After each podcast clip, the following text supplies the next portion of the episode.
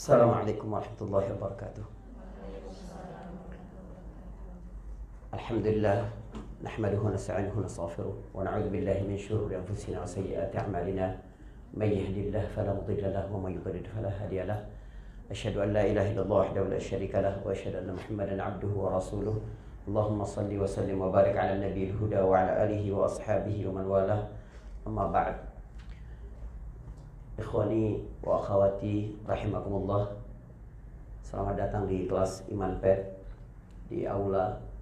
Semoga Allah subhanahu wa ta'ala mengizinkan Kita melalui ikhtiar sederhana ini Memperoleh kenikmatan paling besar yang dimiliki oleh manusia Yaitu keimanan dan mengenal Allah subhanahu wa ta'ala. Tiga hari yang lalu saya berkunjung ke Istana Topkapi di Istanbul. Istana Topkapi itu memiliki tiga pintu, tiga lapis pintu. Di lapis pertama itu di atas gerbangnya tertulis Rasul Hikmah Ma'rifatullah.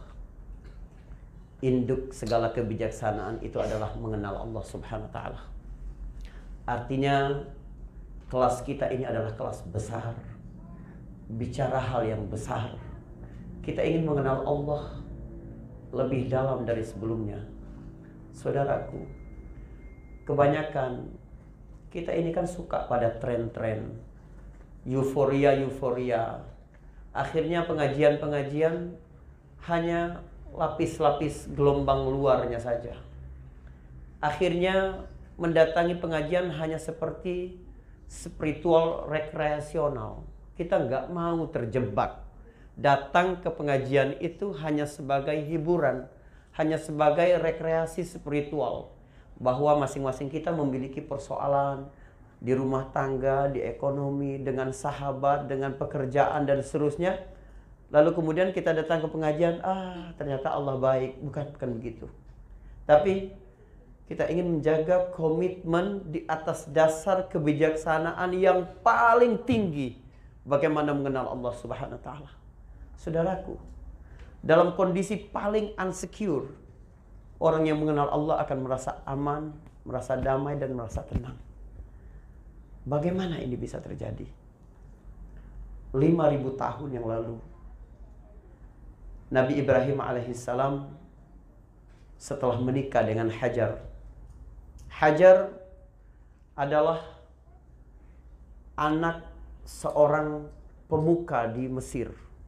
Hajar bukan seorang hamba sahaya bukan. Seperti yang selama ini banyak beredar dan kita dengar.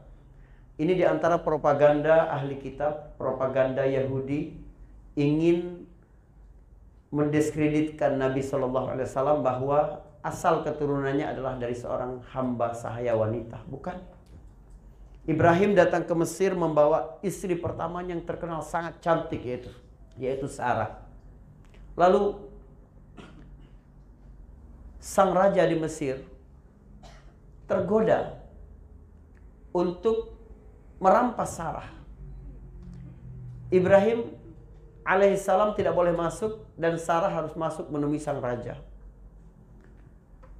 Allah menenangkan hati Ibrahim dengan memperlihatkan di depan mata Ibrahim apa yang terjadi di dalam. Sang raja berusaha untuk menggapai Sarah dengan tangan kanannya. Tiba-tiba tangan kanannya menjadi lumpuh. Dia coba dengan tangan kirinya dan tangan kirinya juga menjadi lumpuh. Kemudian sang raja memanggil Ibrahim dan berkata, Berdoalah kepada Tuhanmu agar dia mengembalikan ini dan aku tidak berniat buruk lagi kepada istrimu. Ibrahim pun berdoa untuk raja itu. Karena malu, sang raja menghadiahkan anak salah seorang pemuka, pembesar kerajaan di Mesir yang juga cantik bernama Hajar. Itulah awal mula keturunan Nabi Ismail yang merupakan awal dari keturunan Nabi Muhammad wasallam. Setelah pernikahan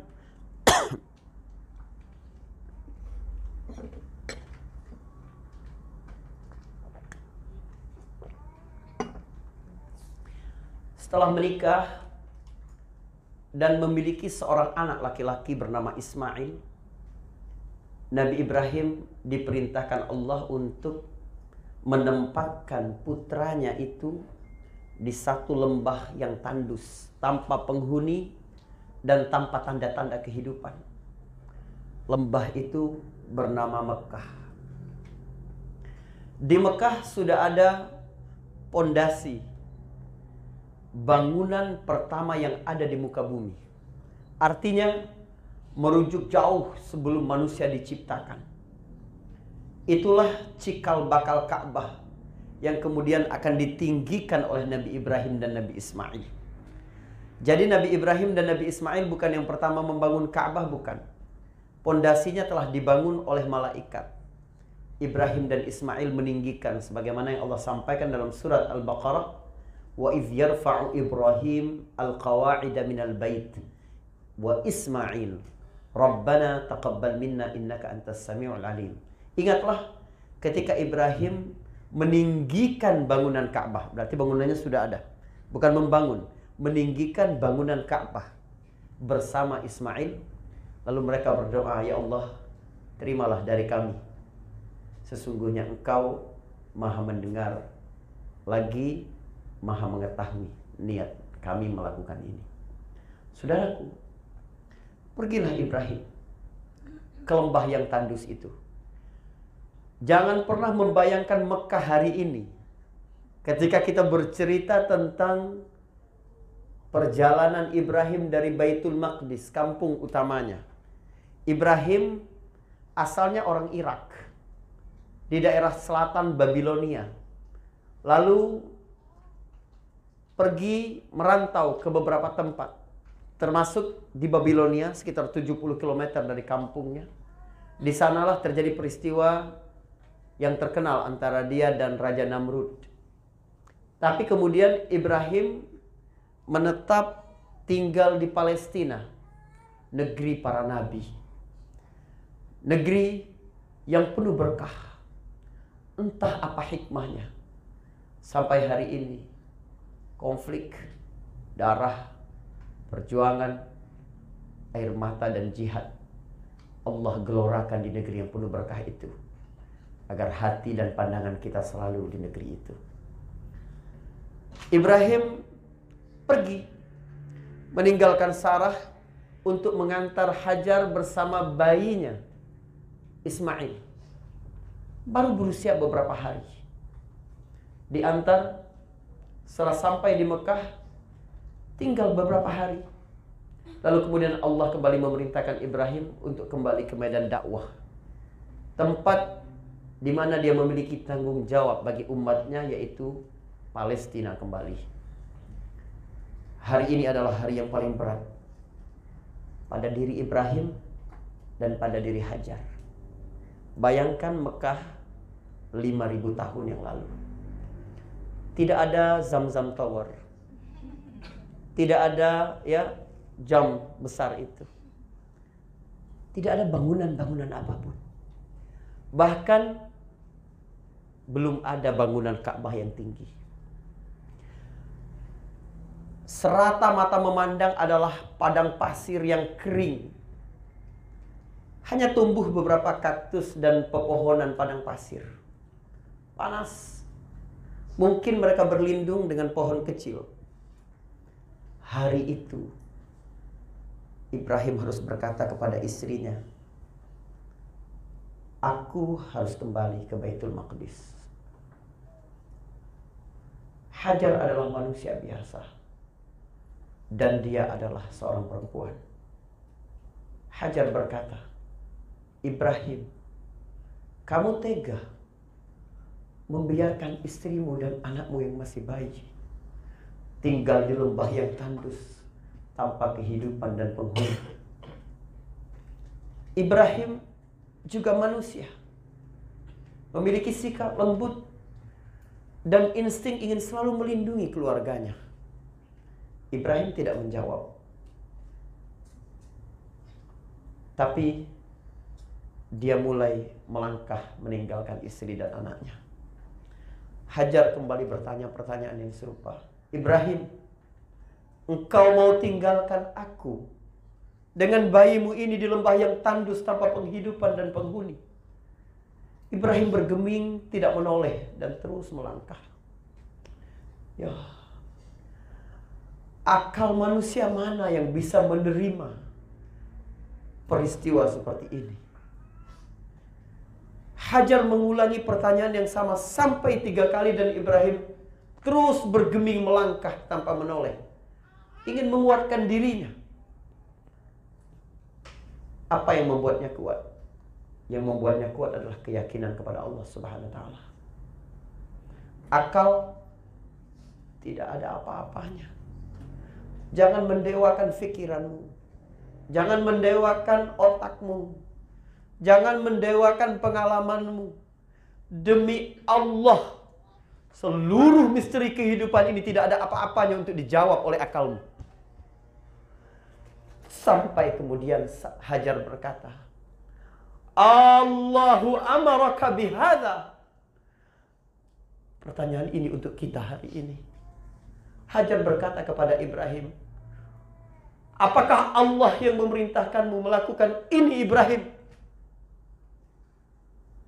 Demi dia melihat keteguhan sang suami. Pasti ada sesuatu yang lebih besar dari itu. Sehingga timbullah pertanyaan baru. Apakah Allah yang memerintahkanmu melakukan ini? Barulah Ibrahim menoleh dan berkata, Benar, Allah yang memerintahkanku.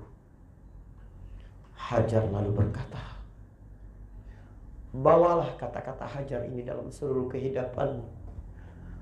Bawalah dia menjadi nafasmu sampai terakhir nanti engkau menemui Allah Subhanahu wa taala. Hajar menjawab, kalau begitu Allah tidak mungkin menyia-nyiakan kami. Ya.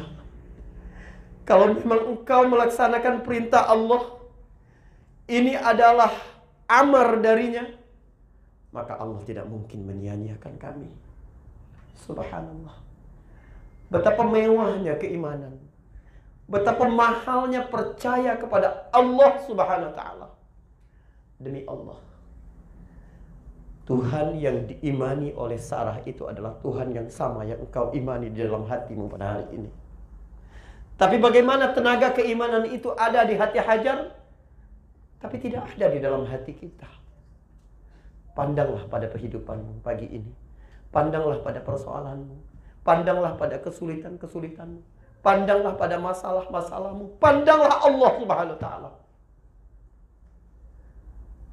Saudara, Betapa nikmat kita berjumpa di sini. Untuk apa? Ma'rifatullah. Kenal Allah Subhanahu wa taala. Dan itu adalah agamamu. Jadi pertemuan kita hari ini dan hari-hari berikutnya untuk itu. Kita ingin apa?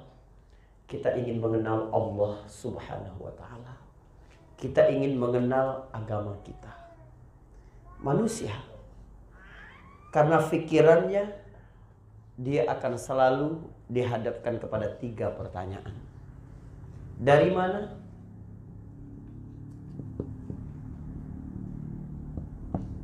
Ke mana? Dan mengapa? Otak kita tidak bisa jawab ini. Aku ini berasal dari mana? Alam ini asal mulanya seperti apa? Apakah dia terjadi sendiri? Apakah aku ini datang tiba-tiba dari orang tuaku, orang tuaku, dari orang tuanya, dari orang tuanya, dari orang tuanya, tidak terputus-putus? Tidak mungkin. Pasti ada permulaan. Dari mana kita ini berasal? Dari mana alam raya ini? Dari mana kita yang lahir tidak memiliki apa-apa bahkan sehelai benang pun. Lalu kemudian Allah cukupkan kita. Pakaian kita, tempat tinggal kita, makanan kita. Dari mana itu? Lalu pertanyaan yang kedua, ke mana? Apakah seluruh kehidupan dunia ini adalah segala episode manusia? Apakah kematian akan mengakhiri segala derita dan kesenangan? Atau dia adalah halte transit untuk memulai satu kehidupan baru yang kekal. Ini tidak bisa dijawab oleh akal manusia. Ini datang menjadi gift, menjadi pemberian dari Allah Subhanahu wa taala yang paling indah yang dimiliki oleh manusia. Juga untuk apa? Untuk apa kita ini diciptakan? Apakah hanya untuk menikmati hari ini? Menjalani siklus kehidupan yang tanpa akhir. Lalu kemudian kita tiada digantikan oleh generasi berikutnya. Apakah sedangkal itu kehidupan? Apakah senaif itu perjalanan manusia? Kita tidak bisa menjawab itu semua dengan akal dan pikiran kita. Kita butuh keimanan. Mengapa manusia diberikan akal? Mengapa manusia diberikan kehendak? Rasa ingin kepada sesuatu. Mengapa Allah menaklukkan, menundukkan seluruh alam raya ini untuk manusia? Ini pertanyaan-pertanyaan dasar. Kita ingin menanamkan pondasi ini agar benar-benar kehidupan kita ini penuh arti. Kita memulai dari mana? Memulai dari yang sangat dasar. Jadi, kalau teman-teman sudah biasa mengaji, mungkin kelas ini hanya mengulang-ulang pelajaran yang sudah pernah kamu dapatkan. Niatkanlah ini menjadi ibadah Niatkanlah ini caramu menjemput rahmat Allah Subhanahu wa taala. Niatkanlah caramu mengundang malaikat-malaikat yang Allah ciptakan khusus untuk berkeliling di atas permukaan bumi. Lalu melihat dengan pandangan penuh kasih mana majelis-majelis yang sedang mengingat nama Allah Subhanahu wa taala. Lalu mereka meletakkan sayap-sayapnya berdoa agar kasih sayang Allah turun dalam kehidupan orang-orang yang berada dalam majelis itu. Ini bukan pelajaran yang megah. Bukan pengajian-pengajian ilmiah yang sangat tinggi, bukan. Tapi tentang bagaimana kita merasakan. Bagaimana kita menghadirkan. Kenal Allah subhanahu wa ta'ala adalah induk dari segala pengetahuan. Saudaraku, kita bersyukur sekali. Di negeri kita sekarang itu arus gelombang hijrah ini marak sekali di mana-mana. Tetapi karena terus bergulir, lalu kemudian ada penumpang-penumpang baru. Sementara banyak para pengajar, para guru, ustadz-ustadz yang terlalu berhusnuzon. Dia mengira semua orang telah memulai start hijrah ini pada titik yang sama. Padahal beda. Ada yang sudah pernah dapat pengajian ini dari awal. Ada yang masuk di tengah kemudian langsung mendengar kajian-kajian lanjutan.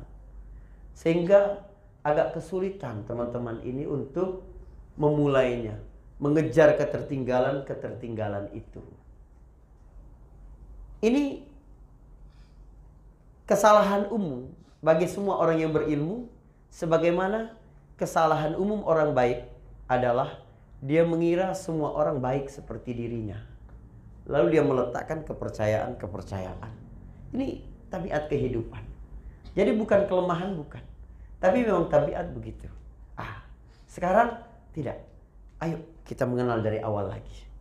Pengajian-pengajian seperti yang tadi disampaikan oleh Mas Bayu ya, Direktur Iman Pet itu, Masya Allah kita dapat puzzle-puzzle bicara tentang fadilah kesabaran di sini. Bicara tentang uh, apa? keutamaan sholat duha di sini. Bicara tentang keimanan hari kiamat di sini misalnya.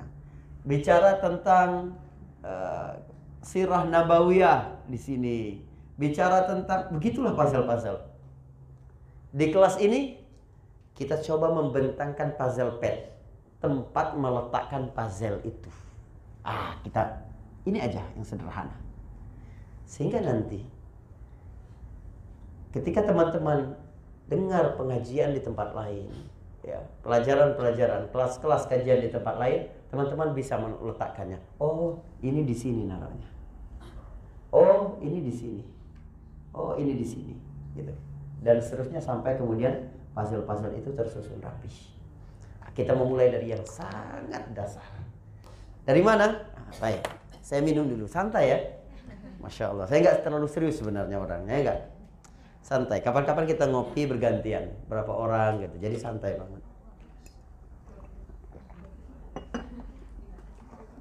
Iya. Yang yang baru yang baru pertama kali dengar saya langsung itu siapa? Banyak ternyata. Memang saya belum terkenal. Baik. Yang baru dengar itu saya ingatkan lagi ya. Jangan melihat saya itu seperti melihat ustadz-ustadz yang Anda kenal. Bukan, bukan. Sama sekali enggak ya. Kita sama-sama belajar ini. Benar. Ini serius dari hati. Kita sama-sama pembelajar. Benar-benar. Kita akan memulai dari mana ini? Baik, kita memulai dari hadis Jibril alaihissalam. Bicara tentang agama. Mohon bantu baca satu orang. Enggak ada yang bantu baca. Masya Allah. Ayo, ayo kita bantu baca. Baik. An Umar bin Al-Khattab radhiyallahu anhu qala dari Umar bin Khattab radhiyallahu an semoga Allah meridhoinya dia berkata Umar bin Khattab adalah sahabat utama Rasulullah sallallahu alaihi wasallam masuk Islam pada tahun kelima kenabian. Ya, dia sahabat sekaligus mertua Rasulullah Shallallahu Alaihi Wasallam. Karena Nabi menikah dengan anaknya Hafsah binti Umar. Ya, khalifah kedua setelah Abu Bakar As-Siddiq. Wafat pada tahun berapa Hijriah? Nabi wafat pada tahun 12 Hijriah. Abu Bakar tahun 14 ya. 13 14 ujung. Umar tahun 23 Hijriah. Ya. Umar tahun 23 Hijriah wafatnya. Terbunuh oleh seorang laki-laki Majusi bernama Abu Lu'lu' al-Majusi. Baik. Bainama nahnu julusun 'inda Rasulullah sallallahu alaihi wasallam dzata yaumin. Ketika kami duduk bersama Rasulullah sallallahu alaihi wasallam pada suatu hari, ibtala alaina rajulun. Tiba-tiba datang muncul seorang laki-laki di tengah-tengah kami. Syadidu bayadhi thiyab. Sangat putih pakaiannya. Artinya tidak kotor. Tidak ada bekas debu-debu padang pasir. Syadidu sawadi sya'ari. Sangat hitam rambutnya. Juga tidak kotor. La yura alaihi atharus safar. Tidak terlihat bekas perjalanan jauh. Berarti orang ini orang dekat. Ngerti nggak? Tampilannya itu nggak ada tampilan orang musafir itu tidak ada. Wala ya'rifuhu minna ahadun. Tapi tidak ada yang kenal dari kami. Siapa orang itu? Dia tidak terlihat dari jauh, bukan orang jauh, tapi kami nggak kenal kan aneh. Hatta jalasa ilan Nabi sampai dia duduk di depan Nabi Shallallahu Alaihi Wasallam.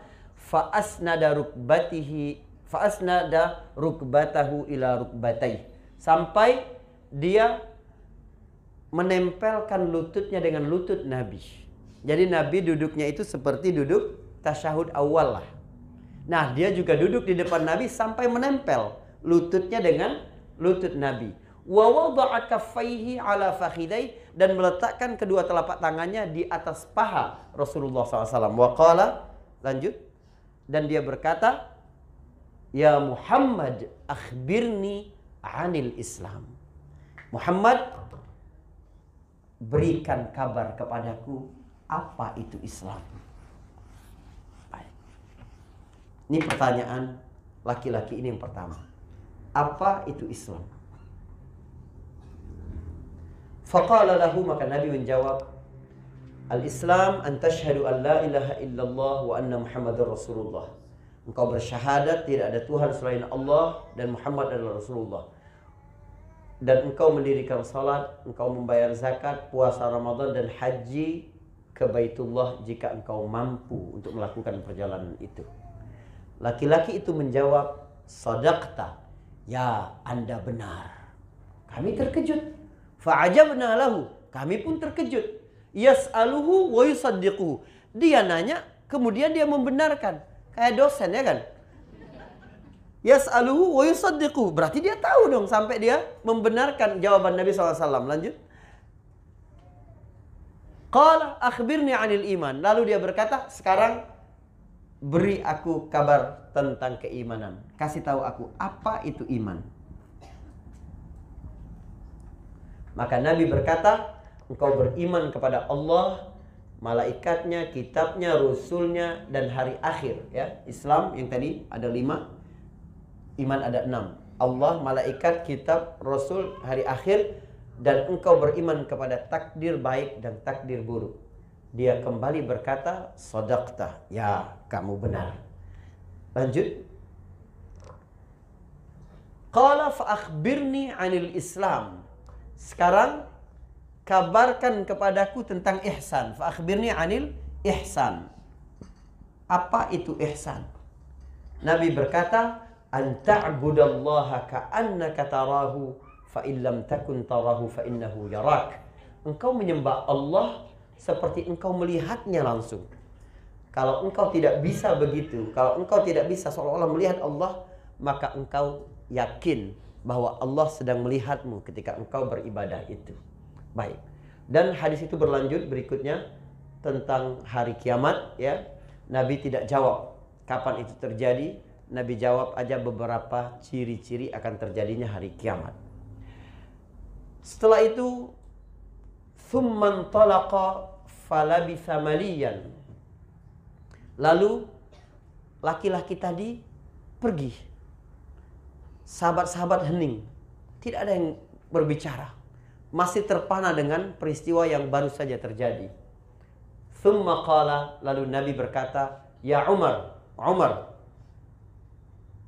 Sebelumnya, Atadri manis sa'il Tahukah kamu siapa yang tadi bertanya? Umar menjawab, Allahu wa rasuluhu a'lam. Allah dan Rasulnya lebih tahu. Ini adab ketika kita ditanya sesuatu yang kita tidak tahu. Ya, ini larangan untuk berbuat sotoy. Berikutnya, baik.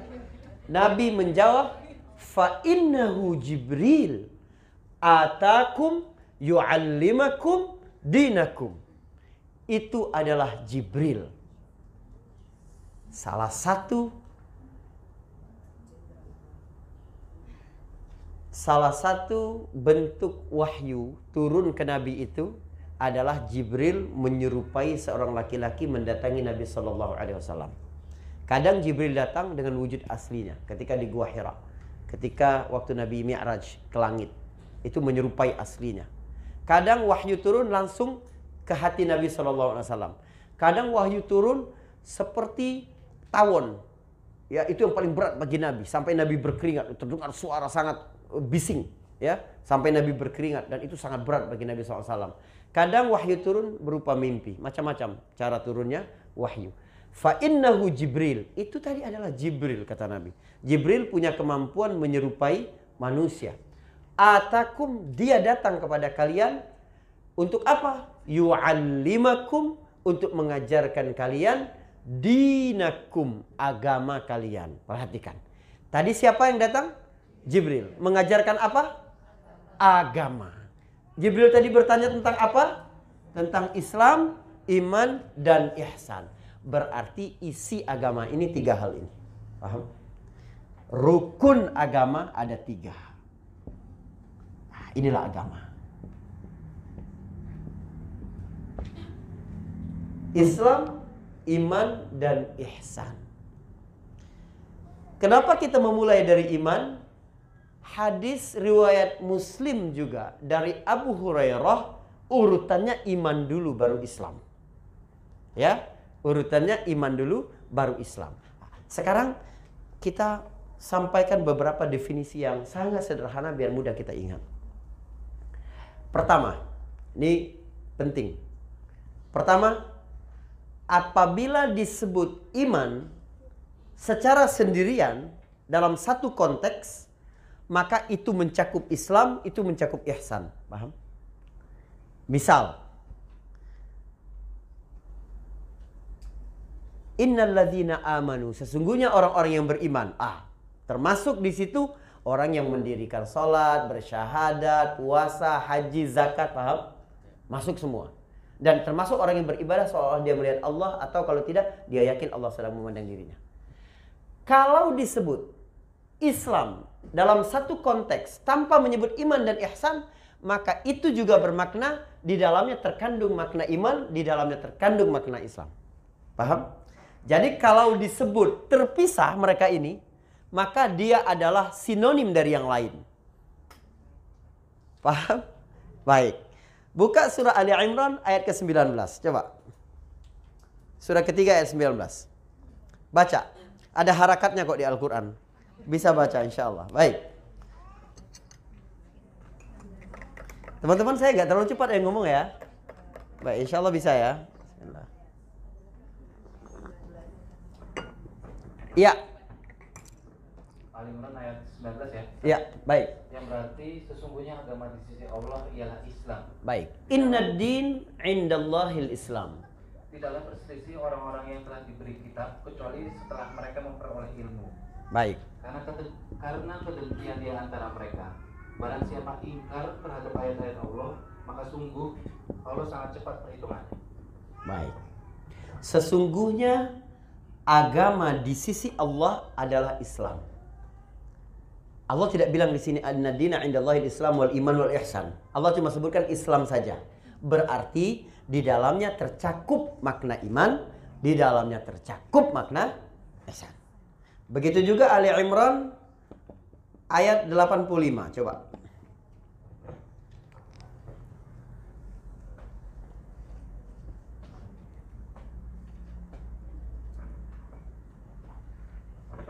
Baik, Al Imran ayat 85 yang berarti barang siapa mencari agama selain Islam, Baik. dia tidak akan diterima. Dan di akhirat dia termasuk orang yang rugi.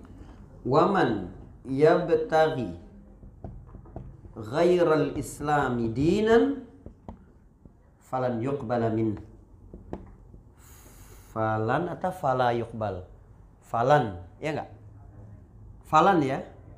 Falan ha falai yuqbalu min. Baik siapa yang mencari selain Islam sebagai agama maka tidak mungkin diterima oleh Allah Subhanahu wa taala. Walaupun baik, walaupun yang dia datangkan kebaikan-kebaikan semua enggak Allah terima. Tiket masuk surga itu cuma Islam. Di luar Islam nggak bakal bisa masuk surga. Ya, gitu. Itu keyakinan kita sebagai seorang muslim. Jangan ada keraguan sedikit pun itu, ya. Ah mungkin dia ini Kristen atau Buddha tapi kan orangnya baik banget sama tetangga begini hatinya nggak ada hasad bisa jadi dia masuk Islam. Kalau ada pikiran begitu di hatimu batal keimananmu benar? Ya kita begitu. Kita toleran kepada orang lain ini harus toleran. Dalam bentuk sikap. Tapi hati kita ya harus yakin bahwa satu-satunya agama yang diterima oleh Allah cuma Islam. Dan kita nggak marah sama sekali orang-orang menyebut kita ini di luar agama mereka kita ini kafir. Kita ini masuk neraka nggak apa-apa itu keyakinan mereka ya. Nggak ganggu kalian nggak ya? Apakah sholat kalian jadi tiga rakaat gara-gara orang bilang anda kafir? Kan tidak. Ah, begitu juga orang lain nggak apa-apa ya. Jadi ini radikal-radikal dikit tapi insya Allah toleran toleran gitu. Nggak tahu saya apa namanya. Baik. Waman yabtaghi ghairal Islam. Nah, kalau disebutkan Islam sendiri maka dia mencakup makna iman mencakup makna ihsan. Rumus pertama ini ya e, kalau tentang imannya misalnya di surah banyak sekali ini. At-Taghabun coba, At-Taghabun surah keberapa?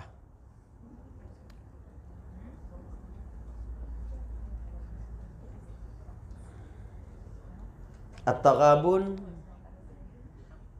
uh, fa'aminu billah wa rasulihi wan nuril ladzi anzalna. Ayat ketujuh kalau tidak salah ya. Masya Allah, sebentar. Kita cek dulu. Surah ke-64 coba. Ayat 7-nya apa ayat 7-nya? Atau Khobun ayat 7 yang artinya orang-orang yang kafir mengira bahwa mereka tidak akan dibangkitkan. Katakanlah Muhammad, tidak demikian. demi Tuhanku kamu pasti dibangkitkan. Kemudian Mm-mm. diberitakan kepada semua yang telah kamu kerjakan. Dan yang demikian itu mudah bagi Allah. Oh gitu, bukan bukan berarti. Sebentar, sebentar. Wan nuril ladzi anzalna. Ayat 8 ya. Fa'aminu billahi wa rasulihi. Ya ayat 8. Fa'aminu billahi wa rasulihi ya. Ingatan saya tentang ini udah diambil Ustaz Hidayat semua. Baik. Fa'aminu billahi wa rasulihi wa nuril ladzi anzalna. Dan berimanlah kamu. Kata iman di situ surah 64 ayat ke-8 itu juga mencakup makna Islam, mencakup makna iman, mencakup makna ihsan. Pokoknya kalau dalam satu konteks, ini hukum pertama. Jika dalam satu konteks disebutkan secara terpisah Islam saja, maka dia mencakup iman dan ihsan. Kalau disebutkan iman saja, dia mencakup Islam dan ihsan. Tapi kalau ihsan saja itu jarang disebut. Baik. Hukum kedua, jika disebutkan bersamaan, maka maknanya jadi beda. Paham? Sama dengan kalimat begini. Fakir dan miskin. Kalau disebutkan satu saja, fakir saja, maka maknanya juga miskin. Ya, kasihan sama orang fakir. Oh, maksudnya juga orang miskin. Kalau disebut bersedekahlah kepada orang miskin, maka maknanya juga bersedekahlah kepada orang fakir. Tapi kalau disebut fakir dan miskin, maknanya jadi beda. Miskin adalah orang yang kebutuhan hidupnya cuma bisa dipenuhi untuk hari ini. Besok dia sudah bingung. Gitu, ya. Kayak kayak kita akhir bulan lah itu miskin lah. Lalu kemudian kalau fakir kebutuhan untuk hari ini pun tidak terpenuhi. Jadi lebih bawah daripada miskin. Ah, Ketika kata Islam, iman dan ihsan disebutkan dalam satu konteks, dalam satu kalimat yang bersamaan, maka maknanya berbeda. Secara ringkas, ini hukum kedua tadi. Hukum pertama tadi apa? Kalau disebut terpisah, dia adalah sinonim bagi yang lain. Yang kedua, kalau disebut secara bersamaan, maka artinya jadi berbeda. Yang ketiga, arti iman adalah amalan batin. Amalan hati. Itu iman. Im- eh, iman, ini iman baik. Islam, amalan zahir, amalan lahiriah, ihsan, amalan khusus. Baik. Beriman kepada Allah di hati. Paham? Makanya orang bisa mengaku dirinya beriman. Kenapa? Karena di hati nggak bisa kita lihat. Walaupun dia munafik, walaupun dia pada hakikatnya tidak beriman kepada Allah, tapi dia bilang beriman, kita bisa percaya. Kenapa? Karena ini adalah amalan hati, iman. Amal lahiriahnya adalah Islam. Buah dari keimanan itu adalah Islam. Ah, ya. Sementara ihsan adalah amalan yang benar-benar khusus, ya.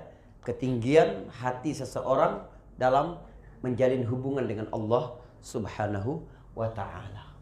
Baik, sampai di sini paham nggak?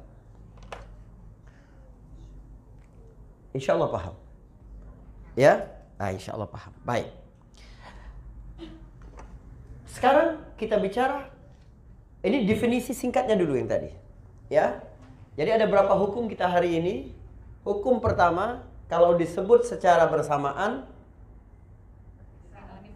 kalau disebut secara terpisah Ya, oke. Yang kedua begitu. Yang ketiga, makna iman, amalan lahir. Yang keempat, makna Islam. Iman, amalan hati, Islam, amalan lahiriah, ihsan, amalan khusus. Baik. Yang keenam, rukun Islam apa? Yang ketujuh, rukun iman apa? Yang kedelapan, ihsan itu apa? Baik. Sekarang Islam. Islam kata Nabi tadi kepada Jibril di slide-nya di dibalikin lagi. Baik. Lagi? Masih? Ah, kita kita mulai dari iman ya tapi sekarang. Oke, kita mulai dari iman. Baik. Akhbirni anil iman. Kabarkan kepadaku apa itu keimanan. Ini pondasi. Artinya, kalau ada satu saja dari rukun-rukun ini yang kamu tidak yakini atau ragu terhadap hal itu, maka keimananmu tidak benar. Perhatikan. Ada keimanan benar apa tidak, ada keimanan sempurna apa tidak, beda. Misal, la yu'minu ahadukum, tidak beriman salah seorang di antara kamu. Hatta yuhibba li akhihi ma yuhibbu li nafsi, sampai dia mencintai saudaranya seperti dia mencintai dirinya sendiri. Tidak beriman seseorang sampai dia mencintai saudaranya seperti dia mencintai dirinya sendiri. Iman di sini maksudnya bukan rukun iman, tapi kesempurnaan iman. Jadi kalau seseorang belum mencintai saudaranya seperti dia mencintai dirinya sendiri, tapi dia sudah beriman dengan yang enam ini, dia sudah beriman, tapi tidak sempurna keimanannya. Paham? Artinya rumah begini. Ini makna rukun. Rukun itu rukun rumah apa? Rukun rumah. Rukun rumah itu ada atap, pondasi, tiang, jendela, pintu gitu ya. Ah, ini rukun. Artinya kalau kamu sudah punya ini namanya sudah punya rumah. Gitu. Tapi ada apa? Tirai, ada kursi, ada meja, itu kesempurnaan rumah. Jadi kalau Nabi berkata sesuatu tentang keimanan tidak menyangkut enam hal itu, maka maksudnya adalah kesempurnaan. Siapa yang beriman kepada Allah dan hari akhir hendaklah dia menghormati tamu. Apakah kalau orang tidak menghormati tamu dia jadi tidak beriman? Beriman, tapi tidak ada kursi, tidak ada tirainya, tidak ada ya aksesoris dan seterusnya. Gitu kan nggak enak kalau nggak ada begitu-begituan. Baik. Ah. Mana rukun yang utamanya itu mana? Rukunnya ada enam ini. Pertama adalah beriman kepada Allah. Ntar saya akan kelompokkan dulu. Eh, ini nggak apa-apa dihapus ya. Baik.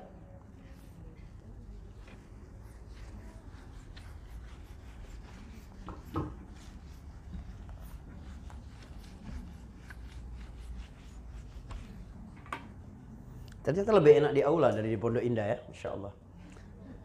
Karena lebih sedikit. Makanya saya selalu bilang ke Mas Bayu ini, kelasnya harus sedikit, baik. Baik, ya. Uh, kita beriman. Sekarang bicara tentang rukun iman. Uh, hukum keberapa ini tadi? Enam. Hukum keenam, ya. Hukum keenam. Iman memiliki enam rukun. Sekarang kita bicara tentang iman. Yang pertama adalah keimanan kepada Allah. Yang kedua adalah beriman kepada malaikat.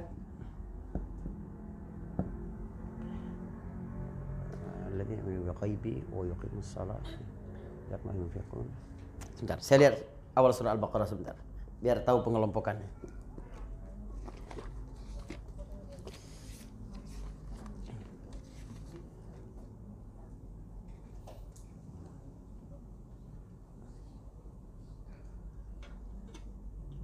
Baik. Iman kepada Allah, iman kepada malaikat, kemudian iman kepada kitab ya, kitab, kemudian iman kepada rasul, kemudian iman kepada hari akhir, hari akhir, kemudian iman kepada qada dan qadar. Qada dan qadar. Baik. Baik. Di awal Al-Qur'an di surat Al-Baqarah pertama-tama Allah sampaikan Alif Lam Mim Dzalikal kitabu la raiba fi hudal lil muttaqin. Inilah kitab yang tidak ada keraguan di dalamnya sebagai petunjuk bagi orang-orang bertakwa.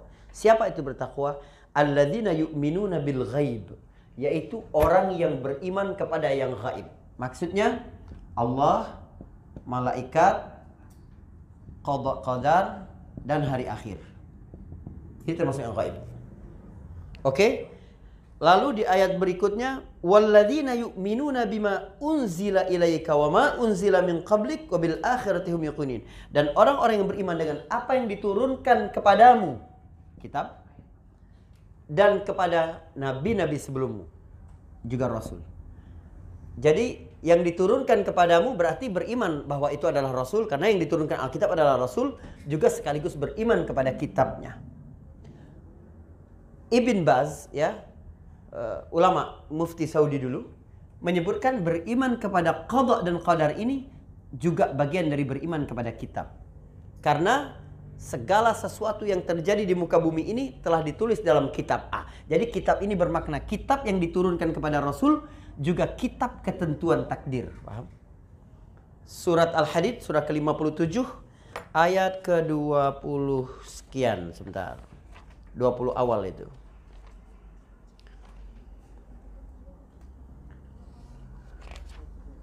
Dua puluh dua. Ma asaba min musibatin fil ardi. Tidak ada satupun musibah yang menimpa di bumi. Wala fi anfusikum atau menimpa diri kalian. Illa fi kitab kecuali sudah ada di dalam kitab. Maksudnya lauhil mahfuz. Beriman kepada kitab bisa bermakna kitab ya. Kitab yang diturunkan kepada Rasul juga kitab ketentuan dari Allah Subhanahu wa taala di lauhil mahfuz. Ini rukun iman. Jadi kalau sekiranya kalau sekiranya ada di antara rukun iman ini kamu tidak yakin maka keimananmu batal. Karena ini rukun. Tapi segala sesuatu yang Allah sebutkan di luar ini hanya kesempurnaan iman. Qad aflahal mu'minun. Telah beruntung orang-orang yang beriman dalam surat Al-Mu'minun ayat ke, ayat ke-1 surah 23. Telah beruntung orang-orang yang beriman. Alladzina hum fi salatihim khashi'un, yaitu orang yang dalam salatnya khusyuk. Kalau enggak khusyuk berarti batal iman. Enggak tapi tidak sempurna. Baik. Sesungguhnya uh, orang beriman itu apabila disebutkan, apabila dibacakan ayat-ayat Allah, bergetar hati mereka dan menangis. Ustadz saya dengar ayat kok nggak nangis-nangis, nggak bergetar-bergetar ya. Apakah itu tidak beriman? Beriman, tapi belum sempurna. Ah, kita ini mengejar kesempurnaan ya. Ah, tapi yang pokoknya adalah ini jangan sampai batal. Baik. Ini hukum keenam tadi. Hukum ketujuh, rukun Islam. Slide sebelumnya. Oke. Islam adalah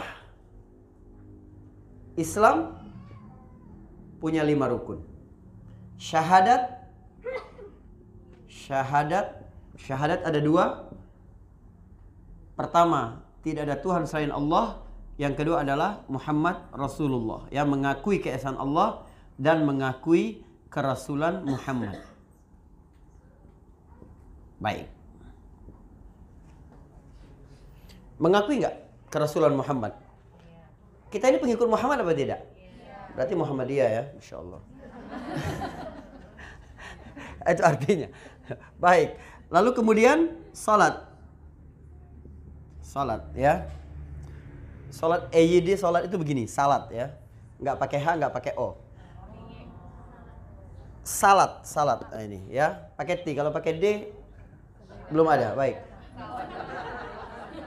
Wa tuqimu shalah wa tu'tu zakah, wa zakah, kemudian zakat, membayar zakat, kemudian puasa Ramadan, kemudian haji. Baik. Ini yang ketujuh. Yang kedelapan adalah ihsan. Ihsan cuma satu yaitu beribadah kepada Allah seperti engkau melihat Allah. Memang amal khusus ini. Ini uh, bukan amal, level khusus sudah. Level khusus di sini. Baik. Di chapter 1 ya, chapter istilah kita. Uh, bukan chapter, apa pathway 1. Pathway 1 kita bicara iman ini. Nanti kita kupas satu-satu mana saja mencakup keimanan kepada Allah ya bagaimana membangunnya apa hikmahnya bagaimana membawanya dalam kehidupan sehari-hari ya biar bertenaga dan seterusnya. Begitu juga kepada malaikat bagaimana kita memandang malaikat. Banyak yang salah selama ini. Menganggap malaikat itu seperti pembantu Allah kayak menteri bagi presiden. Enggak Allah enggak butuh. Malaikat itu pembantu manusia bukan pembantu Allah ingat pembantu manusia. Kemudian apalagi tentang kitab, tentang Rasul ya, tentang bagaimana kesalahan-kesalahan dalam keimanan kepada kitab, kepada Rasul itu membuat kita insya Allah selalu berada dalam eh, kapal keimanan yang benar-benar menyelamatkan kita ya, biar kita sama-sama naik bersama Nabi Nuh alaihissalam. Ya, hari akhir dan qada qadar. Pathway 2 kita bicara tentang Islam dan ihsan ya. Ini basic kelas basic dari dari iman pet. Saya pikir ini dulu kita istirahat dulu sekitar 10 menit ya.